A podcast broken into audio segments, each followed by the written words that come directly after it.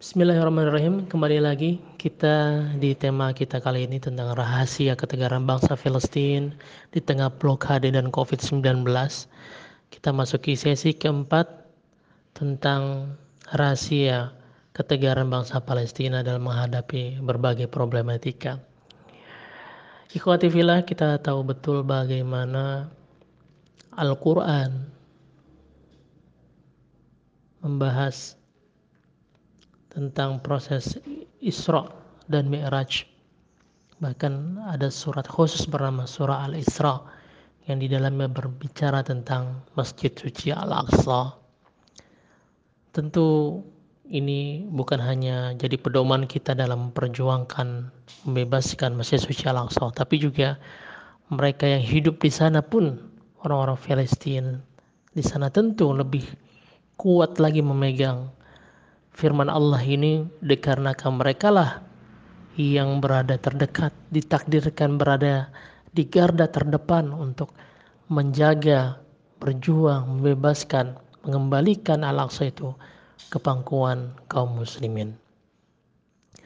Maka semangat inilah yang mereka bawa. Mereka memahami kaidah bahwa tidak mungkin Al-Aqsa itu dapat dibebaskan ketika kita jauh dari Al-Quran maka Al-Quran menjadi pedoman hidup mereka. Al-Quran bukan hanya mereka hafal secara lisan, karena masyhur di antara keberkahan dari Palestina adalah para penghafal Qurannya. Dalam setahun bisa 12 ribu orang penghafal Quran baru. Dan itu bergulir dari tahun ke tahun. Sehingga ketika kita mendengar kisah para ulama pada umur 7 tahun sudah hafal Al-Quran. Ya, itu bukan hal yang asing di tengah mereka, tapi yang sudah lazim. Obrolan mereka adalah sudah berapa juz hafal Quran, sudah khatam 30 juz atau belum, itu usia anak-anak. Nah, ini yang berkembang di tengah mereka, begitu dekatnya mereka dengan Al-Quran. Karena itulah senjata mereka. Dan kita tahu jalur Gaza yang sudah diagresi uh, tiga kali agresi secara masif tidak bisa ditaklukkan. Padahal luas wilayahnya hanya 360 km persegi dengan penduduk uh, tidak lebih dari 2,1 juta jiwa. Namun tidak bisa ditaklukkan mengapa? Karena Al-Quran hidup bersama mereka, Al-Quran tumbuh bersama mereka dan kedekatan mereka terhadap Al-Quran. Maka ketika mereka menjadi Quran yang berjalan, itu sudah melebihi dari senjata-senjata uh, canggih yang dimiliki oleh Zionis Israel. Maka mereka takut menghadapi para pejuang Palestina. Mengapa? Karena mereka menghadapi orang-orang yang mencari kematian.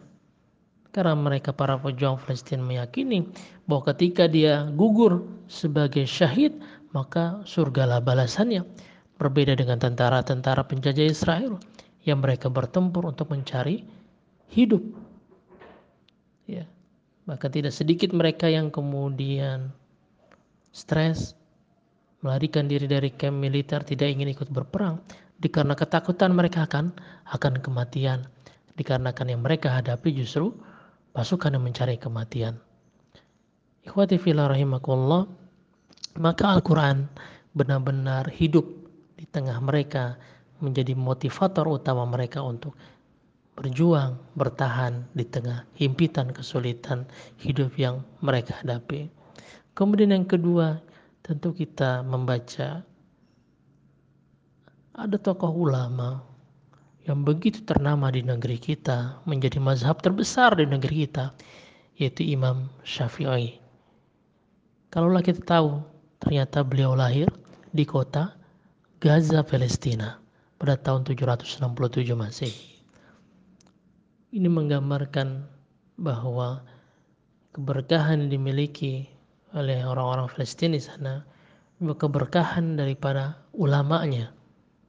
Ya, sosok Imam Syafi'i hadir dan besar di sana, lahir di sana.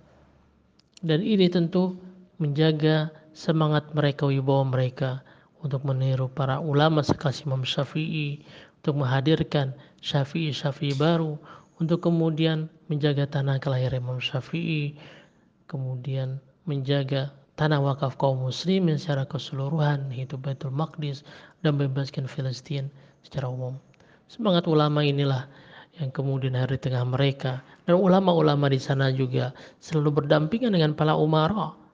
Bahkan kita lihat umara mereka, para pemimpin mereka adalah orang-orang yang dekat para ulama dan juga di satu waktu dia juga adalah orang ulama. Karena innama yakhsallahu min ibadil ulama. Sungguhnya Allah yang paling takut, paling khusyuk paling tunduk kepada Allah adalah ulama. Dan pemimpin-pemimpin mereka dekat dengan Al-Quran. Pemimpin-pemimpin mereka khusyuk dan takut kepada Allah. Sehingga ketika Allah menjaganya mereka sangat-sangat sulit ditaklukkan oleh musuh-musuh Allah Subhanahu wa taala. Dan bahkan kita yakin betul mereka akan menggapai kemenangannya dengan izin Allah Subhanahu wa taala.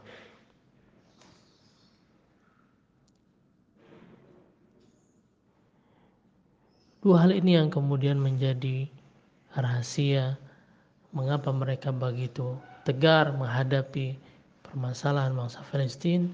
Dia menarik saya tutup di sesi ini adalah ketika kami datang menyalurkan bantuan musim dingin kepada saudara kita pengungsi Palestina di Libanon. Saya secara pribadi menemui seorang uh, uh, bapak-bapak di sana yang lahir dan besar di sana, namun saya menanyakan bagaimana Anda bisa tegar, orang-orang Palestina ini bisa tegar, rekan-rekan kalian, saudara kalian di sini bisa tegar di tengah himpitan ekonomi, di tengah himpitan kehidupan yang tidak normal, yang begitu berat, yang terkekang di kem-kem pengungsian, yang luasnya terbatas, yang bangunannya terbatas, yang keluar masuk terasa kalian memang tidak berada di negeri sendiri, kalian bisa bertahan itu mengapa?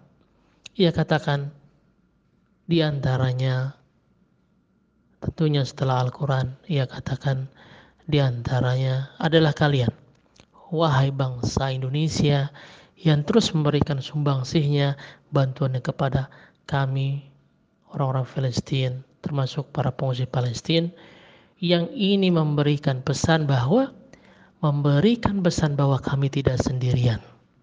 Bahwa kami masih memiliki kalian kaum muslimin yang seakidah dengan kami yang memikirkan dengan kami sehingga kami nyaman sehingga kami tegar sehingga kami tidak pesimis karena ada kalian di belakang kami yang menopang perjuangan kami yang membantu kehidupan kami untuk menghadapi masa-masa ke depan.